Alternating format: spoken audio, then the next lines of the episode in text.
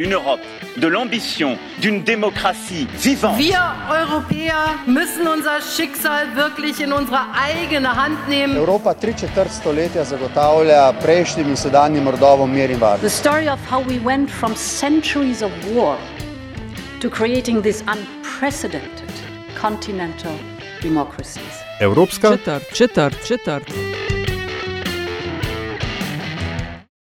Will not go back to Brussels and ask for another delay. I'd rather be dead in a ditch.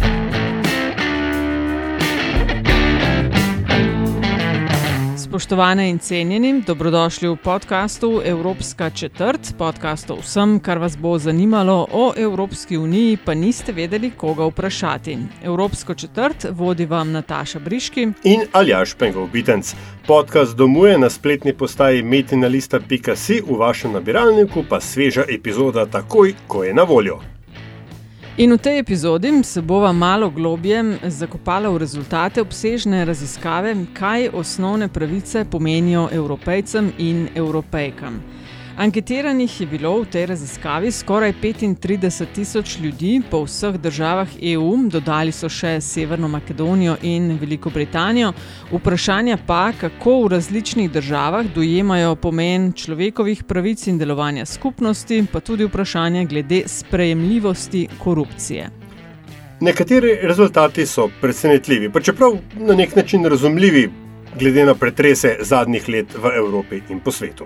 Obstajajo pa tudi očitne razlike med državami. Za lažje razumevanje sva poklicala Branka Sobana, nekdanjega novinarskega kolega, ki se z vprašanjem človekovih pravic in pravic na splošno ukvarja že vso kariero. Branko Soban, lepo pozdravljen. Ja, lepo pozdravljeni. Branko, zdravo, kje te motiva tedni? Uh, moram povedati, da sem včeraj prišel z enih krajših počitnic na Brionih in je bilo super. Mislim, da je to res fajn uh, kraj za oddih, predvsem ker ni nobenega prometa, zelo malo ljudi in veliko narave. Zdaj sem pa trenutno v Ljubljani. Uh -huh. uh, vprašanje pravic, tako kot je rekel Aljaš, spremljaš že celo kariero, zelo bogato in s tabo bi rada predebatirala glavne poudarke. Um, in bom kar začela mal z naštevanjem, pa sproti komentiramo in nekako probamo v kontekst postaviti tudi uh, Slovenijo. Ne? Zdaj, eden od podatkov, ki mi je nekako padel v oči, je bil, da se približno devetim od desetih evropejcev zdi spoštovanje človekovih pravic pomembno pri ustvarjanju vem, poštene, pravične družbe. Zanimivo, ali pa mogoče spet ne tako zelo, da jih najmanj tako meni na mačarskem. Tri četrtine, um, in da več kot dve tretjini menita, da nekateri to izkoriščajo. Uh, hkrati pa tudi dosti velik odstotek, branko tretjina, meni, da imajo od spoštovanja človekovih pravic največ tisti, ki, jih, uh, ki si jih ne zaslužijo, ne vem, kriminalci, teroristi. Kaj ti praviš? Ja, jaz sem to raziskavo uh, prebral. Je super, da se dela take raziskave. Morda, morda me je tukaj malo presenetilo, da se ni ta uh, inštitucija, ki je to delala, malce bolj povezala tudi s svetom Evrope, ker imajo v bistvu največje eksperte za človekove pravice in je tam tudi zajeta vsa Evropa. Ne? Evropska unija ima zdaj samo 27 držav. Uh, tukaj sem opazil res eno zanimivo stvar. Ne? Tukaj najmanj uh, človekove pravice cenijo na mačarskem.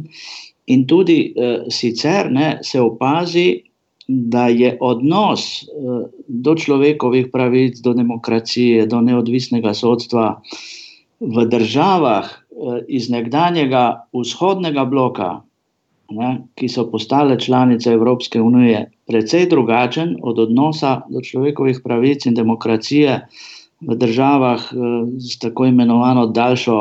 Uh, uh, To demokratično tradicijo. Ne? In pri mnogih vprašanjih je ta razlika kar precejšna. Ne? Tudi, recimo, tukaj je omenjena Mačarska, pa drugih, pri nekaterih drugih temah, Hrvaška, Češka, Slovaška, Romunija, Bolgarija. Je zanimivo, ja, da se tam dojema čisto drugače ne, človekove pravice. Tudi zaradi tega, ker nimajo, nimajo te prakse. Ne. Tukaj uh, mogoče pride, ne, se pravičujem, Branko, do vprašanja ja. kura ali jajca. Uh, ja. ali, ali je ta, ta odnos, uh, ta razlika v pojmovanju um, človekovih pravic zaradi, um, da rečem, prvič po eni strani manjka demokratične tradicije ne? in tukaj je verjetno posebej vprašanje, kam v to delitev bi spadala Slovenija, uh, ali pa ne, je v bistvu vsta avtoritarni, da rečem, strik, ne, se pravi, vsta avtoritarni val, ki je še bolj izražen v vzhodnji Evropi, možen predvsem zaradi odnosa do človekovih pravic, ne, kot ga imajo, kot so ga, raziskava detektirala. Ja, zdaj tukaj treba povedati, ne, da Uh, jaz že 20 let v bistvu zahajam redno v Strasburg, ne, kjer se ne nehno govori o človekovih pravicah, kjer je sodišče za človekove pravice, kjer domuje Beneška komisija in tako naprej. Uh, in opažam, uh, da se v bistvu človekove pravice ne, v teh zadnjih letih preveč marginalizira. Pre, premalo se govori o človekovih pravicah. Ne. Nekdani švicarski poslanec in javni tožilc Dick Marty, s katerim smo se dokaj dobro poznala, ne pravi, da človekove pravice se marsikje danes, tudi v najbolj demokratičnih državah, uporabljajo samo takrat, ko je lepo vreme. Ne, ampak človekove pravice niso narejene za, za lepo vreme. Človekove pravice pridejo v poštev najbolj, kadar zunaj grmi in treska ne, v času kriz, ne, konfliktov in podobnih stvari. In uh, takrat se pa na te človekove pravice prevečkrat pozabi, se jih marginalizira zaradi različnih vzrokov, ne, in političnih, in ekonomskih, ne, ker v bistvu. Če pogledamo, ne, kapital, kapital ne mara transparentnosti, kapital ne mara človekovih pravic, kapital ne mara demokracije, ne, vse to nekako ti lastniki, korporacij in tako naprej menijo, da jim to v bistvu samo škoduje pri ustvarjanju njihovega profita in tako naprej. Jaz mislim, da se o človekovih pravicah bistveno premalo govori. Zato je ta raziskava zelo dobrodošla. Ne? Ker mi, mi, se mi zdi, pre, prepogosto pozabljamo, da so človekove pravice, ne plus demokracija in vladavina prava, temelj vsega brez tega ni demokracije, ker ni demokracije, imamo diktaturo, avtoritarne režime. In uh, preveč je tega marginaliziranja, premalo se govori tudi v medijih. Vem, uh, recimo Evropska konvencija o človekovih pravicah v desetem členu govori tudi o svobodi tiska. Jaz mislim, da tudi v medijih se premalo opozarja ne, in, in stvari na te pomembne dokumente, brez katerih v bistvu ne bi, ble, ne bi bilo sodobne družbe. Jaz sem se pogovarjal pred nekaj leti s Stefanom Veselom, to je bil zadnji še živeči član mednarodne komisije, ki je pri Združenih narodih ustanavljala to temeljno listino. Ne, to je dokument, prvi dokument te vrste v zgodovini človeštva, ki je ustvarjala to temeljno listino Združenih narodov o človekovih pravicah. Ne. Druga je bila potem Evropska konvencija o človekovih pravicah in šele potem 2009 je začela veljati še ta listina Evropske unije o temeljnih pravicah. No in Stefane Seljev je dejal, ne, je, je govoril o tem, koliko eh, kakšen trud, kakšen napor je bil takrat po drugi svetovni vojni potreben, da so te listine, ti, o, ti dokumenti, ne, ki so nad vsemi ustavami, sploh nastale. In zelo pesimistično opozoril, da v današnjih časih, ko se, ko se človekove pravice odrinja na rob, Eh, bi danes težko našli soglasje, da bi se ti dokumenti sprejeli v današnjih časih. Ne, to je žalostno, to je žalostno dejstvo, ki je pa mhm. zelo blizu resnici. Si omenil, da pravice človekove pravice pride v poštev posebej v časih, ki mogoče niso najlepši, ko ne sije sonce. Ne? Uh, v Sloveniji smo priča vsak petek, zdaj že dva meseca, predvsem množičnim uh, protestom. In eden od očitkov, ki pa je tudi rezultat te um, raziskave, kot je pokazala, je, da je 60 odstotkom evropejcem se zdi, da je strankam in politikam malo mar za njih. Zdaj ti veliko potuješ uh, po svetu, a se ti zdi teh eh, več kot pol ljudem, da se jim zdi, da, da strankam, politikom ni mar za njih, ena um, prav, prav sentiment, pravilno zajet sentiment. Jaz bi, se, jaz bi se s to številko seveda strinjal, ne? ker v resnici ogromno potujem. Eh, tudi tam, kjer, kjer človekovih pravic sploh ne poznajo, uh, mainstream stranke, pa tudi, tudi druge politične stranke, ki se v bistvu ne nehno bojijo za oblast, ne enkrat je na oblasti, druga, drugič, tretja in tako naprej. Uh, se na človekove pravice in na voljivce v bistvu spomnijo samo takrat, ko je čas volitev. Uh, mi pozabljamo, da so volitve samo en korak ne, v procesu demokratizacije družbe. Ne. Demokracija je never ending ne, proces. Ne. Demokracije ni nikoli dovolj, človekovih pravic ni nikoli dovolj. In v resnici se vladajoča politika ali pa katerakoli politika na te stvari spomni samo takrat, ko rabi voljivce. Jaz se strinjam s tem, da današnja politika v resnici preveč marginalizira ljudi, eh, marginalizira in odrinja eh, njihove zahteve, eh, njihova vprašanja in tako naprej. V Sloveniji, jaz mislim, da je do teh protestov prišlo ne, in, in po mojem mnenju bi, bi bilo treba, mislim, še več. Začeti bi se morali tudi prej, tudi pod kakšno drugo vlado. To se dogaja zato, ker vladajoča politika ne prisluhne ljudem, ne. Preveč, je, preveč je oddaljena ne, od, od uh, preprostega človeka. Više kot si, ne, manj vidiš tiste spode. To, to je lepo rekel že Brani, Branislav Nušič, ne, znan srpski komediograf. In, in, in to, se dogaja, to se dogaja v bistvu v vseh članicah Evropske unije, še bolj, še bolj drastično pa v tistih evropskih državah, ne, ki, niso, ki niso članice Unije, kjer vendarle veljajo neke demokratične norme, ne, ne vem, Rusija, Turčija in tako naprej. Uh, bi se strinjal s tem procentom. V mhm. resnici ljudje se čutijo odrinjeni, uh, pozabljeni, zlasti, ko gre za, za, vem, za, ključne, za ključne stvari, za dostojanstvo človeka, za, za preživetje, recimo za, za službe za mlade ljudi, za domove eh, za starejše ljudi in tako naprej. Ko gre za socialna vprašanja, ne, nasploh pa se mi zdi, da se politika izjemno, izjemno slabo odziva uh, na probleme manjšin ne, in etničnih, in verskih, in, in, in spolnih, in na, in na probleme beguncev, ne, ki, se, ki se jih demonizira in se jih ne vidi v bistvu v, v, v beguncih.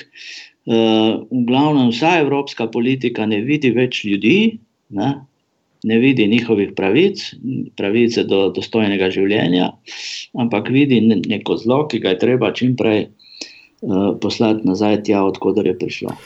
Tukaj se je eh, Branko odprl v bistvu. Tri, v bistvu vse tri pomembne vidike ne, te raziskave, kot sem jih jaz videl. Po eni strani uh, ta, um, se pravi, ekonomski status, ki, če pač šlo, če pogledamo raziskave ne, po teh demografskih skupinah, zelo izstopa ne, ta negat, ne, negativna nastrojenost, uh, bodi si do tega, kdo uveljavlja, oziroma koga te človekove pravice ščitijo.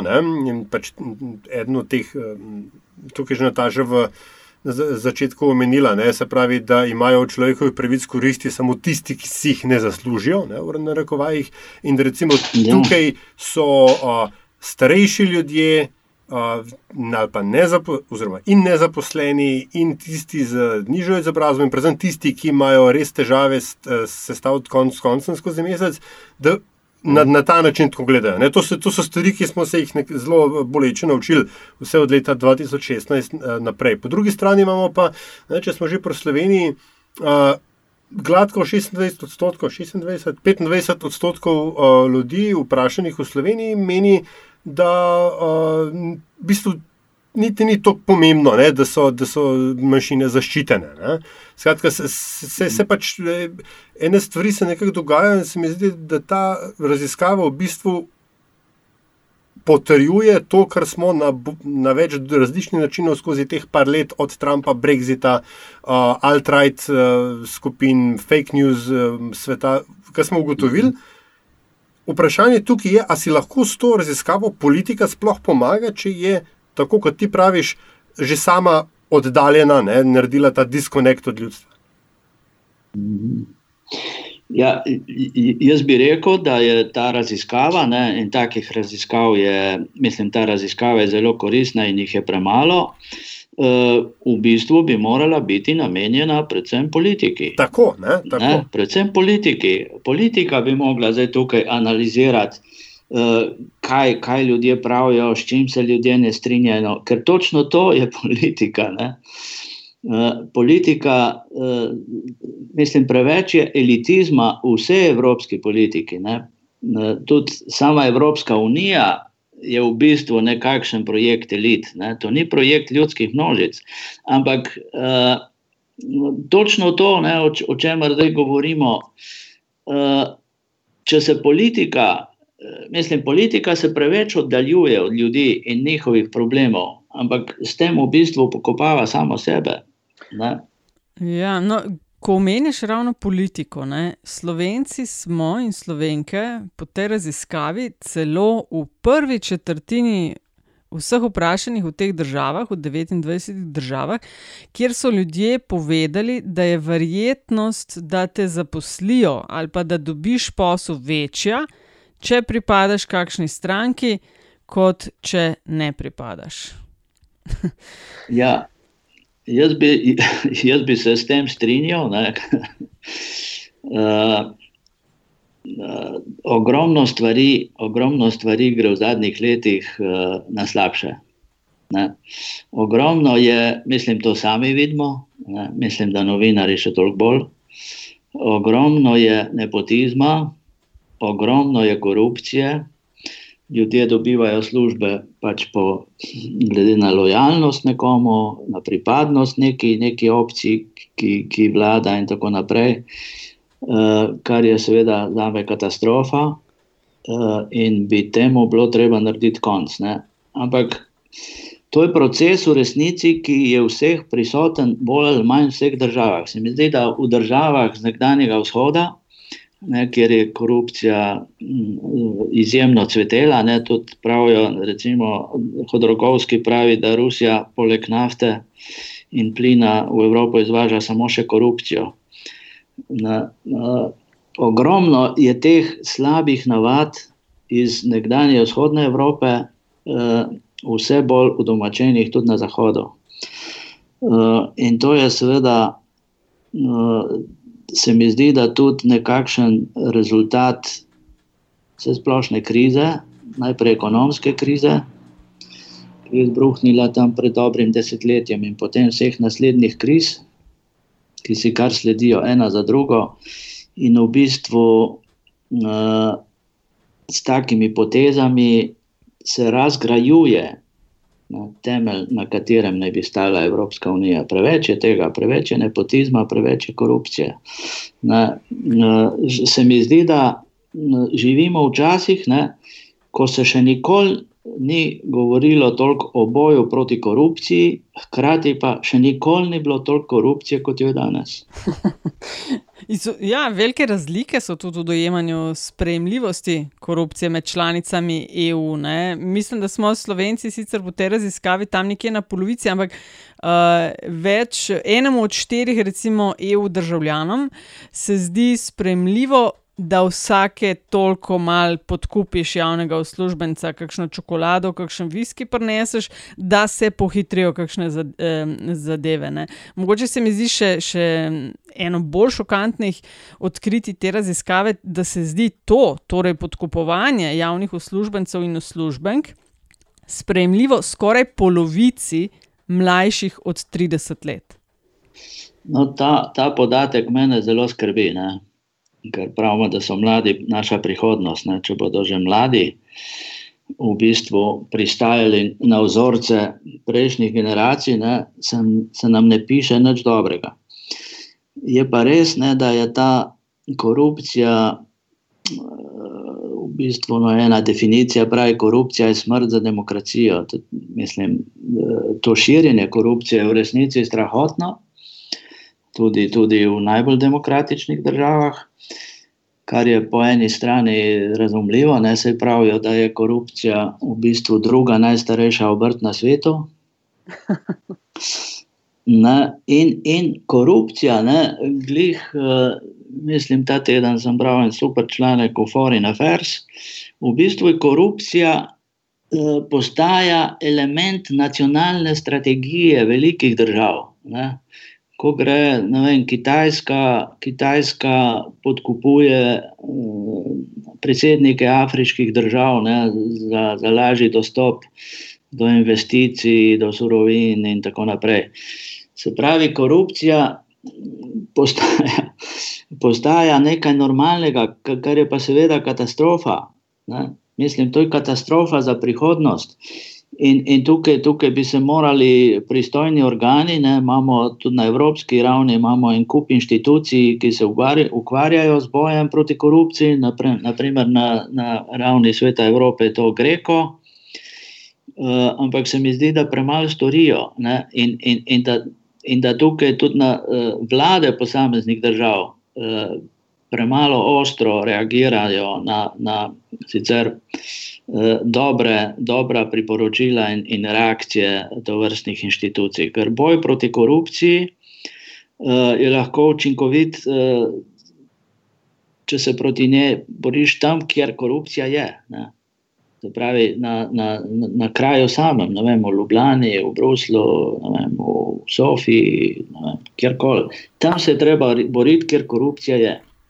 Ampak po drugi strani, ne, pa, če smo morda poskušali najti vendarle kakšno bolj optimistično noto ne, v tej raziskavi, um, velika večina, ampak to govorimo o 70 odstotkih plus, ne, ne glede na demografsko skupino, smatra uh, svobodne medije uh, za uh, pač enega temeljev demokratične ureditve. Ne. Skratka, se mi zdi, da so. Uh, čeprav se veliko govori ne, o nezaupanju v medije in um, poniževanju ne, mainstream medija in tako dalje, ne, vse to, kar smo, smo se naposlušali v zadnjih letih, se pa vendarle zdi, da pač ljudje potrebujejo in si želijo ne, se pravi, neodvisnih medijev, ki poročajo tako, kot se jim zdi, ne, without fear or favor, kot ja, se reče. Ne. Ja, jaz mislim, da je to izjemno pomemben del demokracije. Mislim, ne, brez neodvisnega tiska, brez neodvisnih medijev, ni demokracije. To je logično, brez svobode tiska, tudi brez svobode zbiranja, ne, ki, ki se jo zdaj poskuša zatirati Sloveniji. To je temelj vsega. In, in prav tale, tale najnovejša kriza, ne, mislim, tale koronavirus, ki je zaustavil Evropo, in, in tudi, tudi mene na mnogih poteh, mhm. eh, je pokazal, da ljudje hočejo uh, brati neodvisne analize, neodvisna mnenja, ne, da jim je dovolj pristranskosti. Ampak spet, eh, in, in, in, in, in to so pravi trendi, to so pozitivni trendi. Ne. Brez neodvisnih medijev ni, ni demokracije, ni človekovih pravic, ni ničesar. Čeprav se mi pa zdi, da kot spremljam zdajšnje dogajanje, ki se v Sloveniji zmeraj bolj zaostruje, eh, da se pa ta delitev ne, na dva tabora ne, v bistvu kaže tudi na medijski ravni. Ne. Nekateri bi hoteli slišati samo tisto, kar jim ustreza, in tako naprej. Ampak uh, prihodnost resnih medijev uh, je v resnici samo v neodvisnosti, in kriza ponuja. Kriza je velika priložnost. Uh, vsakršna kriza, ne le, ne le zdajšnja uh, koronavirusna kriza, je priložnost, da se ta neodvisnost medijev, novinarjev utrdi. Ne? Ker uh, če kdaj potem ljudje v krizi uh, hočejo in, in, in potrebujejo prave, resne, neodvisne analize in članke. Mm, jaz sem sam še tole, Branko, ko govorimo že o korupciji, kako zelo je pomembno, da pravosodni sistem eh, dobro deluje. Ne? Uh, je pa v tej raziskavi, in tukaj smo spet Slovenci, celo med top petimi državami. Namreč dobra četrtina je prepričana, da so v njihovih državah sodniki redko neodvisni pri uh, svojem delu. In tukaj smo v Slovenci v vrhu, skratka med tistimi, ki se nam zdi, da so sodniki odvisni od vlade in ne tako zelo. Samostojni ali pa neodvisni pri svojem delu, kot bi morali biti. Se pravi, ne samo mediji, pa izkoreninjene korupcije, tudi pravosodje bi rabili dobro delujoče. In uh, zdaj ne bom govorila, kako dobro ali slabo je delujoče pri nas, ampak mnenje ljudi je, da predvsem ni prav zelo neodvisno ali pa samostojno. Ja, moram reči, ne, da me je ta, ta podatek me v resnici malce presenetil, ne, ker eh, neodvisno sodstvo je temelj Evropske unije in na tem je treba graditi. Jaz osebno verjamem, mislim, ker poznam, poznam kako je sodstvom eh, v Rusiji, v Turčiji in drugih podobnih uh, državah z avtoritativnimi trendi, bi verjel, ne, da je sodstvo v Evropski uniji resnici neodvisno. In zato me ta podatek preseneča. Ta, ta do, do, dokaj visok odstotek nezaupanja. Jaz mislim, da je tukaj, uh, mislim, da je ta številka morda realno previsoka. Ne. Jaz mislim, da je sodstvo vendarle uh, dokaj neodvisno, seveda so posamezniki, ki verjetno podlegajo kakšnim strankarskim pritiskom in podobno, ampak jaz bi rekel, da je to prej izjema kot pravilo. In uh, se mi zdi, da v Sloveniji ta dokaj visok odstotek neke, nekako podlega temle idejam o, o krivosodju. Ne. Sodstvo je v redu takrat, ko sodijo v tvojo prid, ne slabo pa je, ko, ko sodijo proti tebi. Ampak sodnik mora biti neodvisen in, in, in, in če kdo skrbi če, eh, za neodvisno sodstvo, potem je seveda politika. Politika mora se izogibati kakršnim, kakršnim koli pritiskom, pritiskom in, in stereotipnim ocenam o, o delovanju pravosodnega sistema. Ne, tudi, ko smo prej na začetku omenjali, ne, ljudje menijo, da nekaterim kriminalcem in, in ne vem komu, eh, da imajo preveč pravic. Ne, eh, imajo pravice, tudi mislim, da tukaj je malo pretiravanje oziroma malo mal pristranskosti. Eh, vsak, ki je na sodišču, ki se znajde na zatožni klopi, ima pravico do poštenega sojenja, do odvetnika, do obrambe, do, do sojenja v enem normalnem roku, ampak to pritiče vsakmu. Ne. Zato uh, morda, morda uh, ljudi moti to, da nekateri procesi predolgo trajajo, to moti tudi mene. Ne. Ampak pač mimo, mimo osnovnih. Mimo osnovnih pravic, mislim, ki, ki gredo vsakemu obtoženemu, ne, tukaj ne, ne moremo. Ne moremo.